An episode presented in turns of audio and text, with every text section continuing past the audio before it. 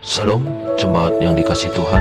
Hari ini kita kembali lagi mengikuti refleksi Gema Sebelum kita memulai mari kita bersama-sama membaca Alkitab sesuai teks dalam Gema Dan membaca Gema hari ini. Tuhan memberkati. Shalom jemaat yang terkasih di dalam Tuhan Yesus Kristus. Kita sungguh bersyukur jika pada hari ini kita akan kembali merenungkan firman Tuhan dari Gema yang diambil dari Yeremia pasal yang kedua namun saya tidak akan membaca secara menyeluruh, saya hanya akan membaca ayat yang kelima hingga yang ketujuh. Namun sebelumnya mari kita masuk di dalam doa. Ya Tuhan kami mengucap syukur ya Tuhan, jika pada hari ini kami melihat ke dalam kehidupan kami, kami menyadari semuanya itu hanya karena anugerah Tuhanlah, hingga kami boleh ada sebagaimana kami ada pada saat ini. Oleh sebab itu ya Tuhan, kembali kami rindu untuk mendengarkan suaramu, belajar untuk mengerti kebenaranmu, Biarlah kiranya Roh Kudus bekerja di dalam hati dan pikiran kami, supaya kami mengerti apa yang Tuhan mau dan kami lakukan untuk menyenangkan hati Tuhan. Ini permohonan kami, Tuhan. Kami serahkan waktu yang singkat ini. Biarlah Roh Kudus menerangi hati dan pikiran kami. Di dalam nama Tuhan Yesus kami berdoa. Amin. Saudara demikian firman Tuhan dari Yeremia pasal yang kedua ayat yang kelima hingga yang ketujuh.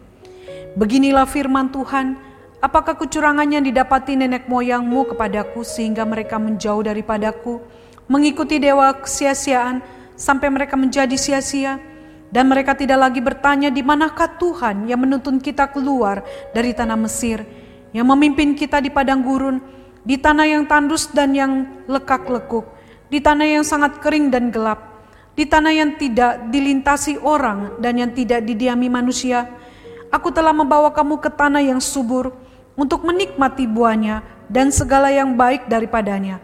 Tetapi segera setelah kamu masuk, kamu menajiskan tanahku, tanah milikku telah kamu buat menjadi kekejian.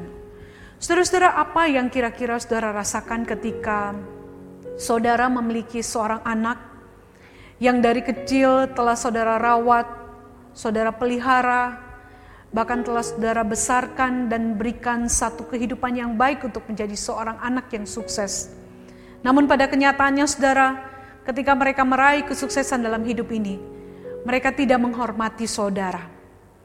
Bahkan mereka mungkin memberikan satu perlakuan yang sungguh menyedihkan terhadap saudara, yang tidak lagi memperhatikan saudara, bahkan mungkin tega untuk tidak mengaku bahwa saudara adalah orang tua mereka Saudara perasaan hati kita pasti akan mengalami kesedihan dan kekecewaan yang begitu besar bukan? Mungkin kita akan berpikir bahwa kita menyesal kenapa kita telah melahirkan seorang anak yang ternyata ketika besar telah melupakan kita, meninggalkan kita, dan membiarkan kita. Saudara, perasaan yang sama itulah juga yang dirasakan oleh Tuhan, saudara.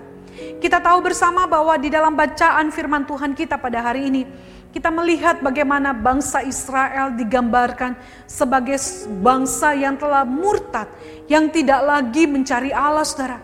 Mereka begitu tega menyakiti hati Tuhan, padahal kita tahu bahwa Tuhan Allah telah memilih mereka untuk menjadi umat pilihannya, bangsa yang dikhususkan oleh Tuhan. Dan kita lihat bagaimana Tuhan memelihara kehidupan mereka, bahkan membuat mereka menjadi bangsa yang besar, serta mengaruniakan mereka tanah Kanaan sebagai milik pusaka mereka. Namun saudara dari bacaan kita melihat bagaimana mereka begitu teganya menajiskan tanah milik pusaka mereka dan mereka melupakan Tuhan, meninggalkan Tuhan dan beribadah kepada Allah-Allah lain. Kita lihat mereka telah bersinah saudara dengan menyembah dewa-dewa kesiaan, kesia-siaan dan para Baal. Mereka menukarkan kemuliaan Tuhan dengan apa yang fana serta mereka melakukan begitu banyak sekali kejahatan-kejahatan dan bentuk ketidaksetiaan mereka begitu nyata saudara, begitu hebatnya mereka telah memberontak terhadap Allah. Sehingga saudara apa yang telah mereka lakukan inilah yang membuat Allah murka kepada mereka. Murka Allah menyala-nyala dan Allah berniat untuk menghukum mereka. Hal ini jelas saudara kita bisa melihat bahwa Tuhan Allah mengancam mereka untuk memberikan penghukuman yang dahsyat dengan mengakibatkan kehancuran di dalam kehidupan mereka. Hal ini kita bisa lihat di dalam ayat 15 hingga ayat yang ke-16 Saudara. Di sana dikatakan, terhadap singa-singa muda mengaum, menyaringkan suaranya, negerinya dibuat orang menjadi tandus, kota-kotanya terbakar, tidak lagi berpenduduk, bahkan orang-orang Memphis dan Tanpanhes telah mengundulkan batu kepalamu. Saudara di sini kita melihat satu kenyataan bahwa sekalipun mereka adalah umat pilihan Tuhan, namun bukan berarti bahwa sebagai umat pilihan maka mereka akan dibebaskan dari hukuman ketika mereka melakukan hal yang salah, hal yang keliru dari hadapan Tuhan. Sebab Tuhan Allah adalah Tuhan Allah yang ingin supaya umatnya itu berlaku setia kepadanya. Dan setiap orang yang tidak berlaku setia kepadanya, yang memberontak terhadapnya saudara, maka mau tidak mau harus menerima konsekuensi. Harus menerima akibat yang begitu fatal ketika meninggalkan Tuhan. Dan itulah yang akan terjadi terhadap orang-orang Israel. Umat pilihannya bahwa Allah akan mendatangkan penghukuman yang sangat serius sekali kepada mereka. Karena mereka telah membuat hati Tuhan bersedih. Mereka telah membuat hati Allah kecewa saudara mereka yang adalah umat kesayangan pilihan Tuhan, namun ternyata mereka berbalik setia. Mereka melakukan begitu banyak hal yang mengecewakan hati Tuhan. Saudara sama seperti bangsa Israel, kita adalah umat pilihannya. Kita menjadi milik kepunyaannya, umat kesayangannya sendiri. Hal ini jelas terlihat setelah melalui pengorbanan Kristus di atas kayu salib. Dia telah mau rela datang ke dunia hanya untuk menyelamatkan kita, menggantikan kita saudara. Kita yang seharusnya menerima penghukuman, tetapi karena kasihnya yang begitu besar, dia mau menggantikan kita dengan mati di atas kayu salib. Oleh sebab itu saudara, kita yang telah menerimanya sebagai Tuhan dan Juru Selamat dalam kehidupan kita secara pribadi. Dia pun menuntut supaya kita benar-benar menghargai setiap pengorbanan yang telah diberikannya kepada kita dia menuntut kita juga untuk membalas kasihnya dengan kita mengasihi dia dengan sungguh-sungguh.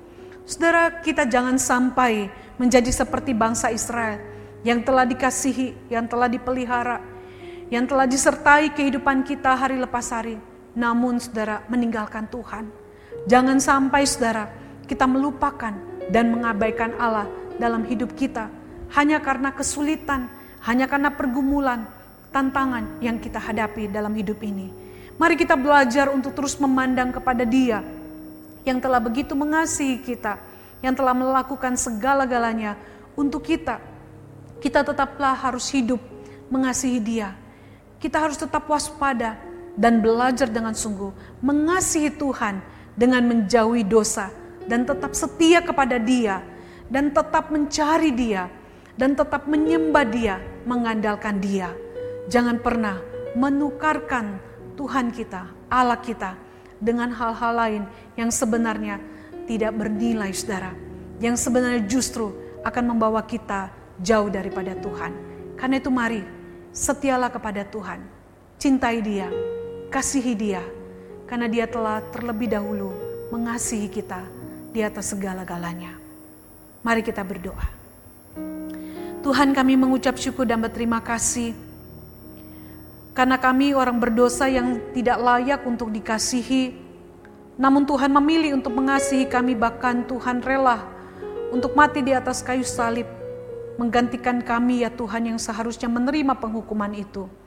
Kan itu ya Tuhan tolong kami ya Tuhan, kami yang telah menerima kasih Allah, bahkan yang telah menerima anugerah keselamatan itu, biarlah kami juga tetap berlaku setia kepadamu Tuhan, membalas dengan mengasihimu, dengan terus mengandalkanmu Tuhan. Dengan tidak membiarkan diri kami jatuh ke dalam dosa. Karena itu tolong kami Tuhan. Jagalah hati kami, jagalah hidup kami.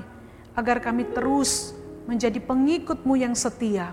Sampai engkau datang kembali menjemput kami. Terima kasih Tuhan Yesus. Ini doa dan permohonan kami. Di dalam nama Tuhan Yesus kami berdoa, memohon pertolonganmu. Amin perenungan atau refleksi gema kita pada hari ini selesai. Tuhan Yesus memberkati saudara sekalian.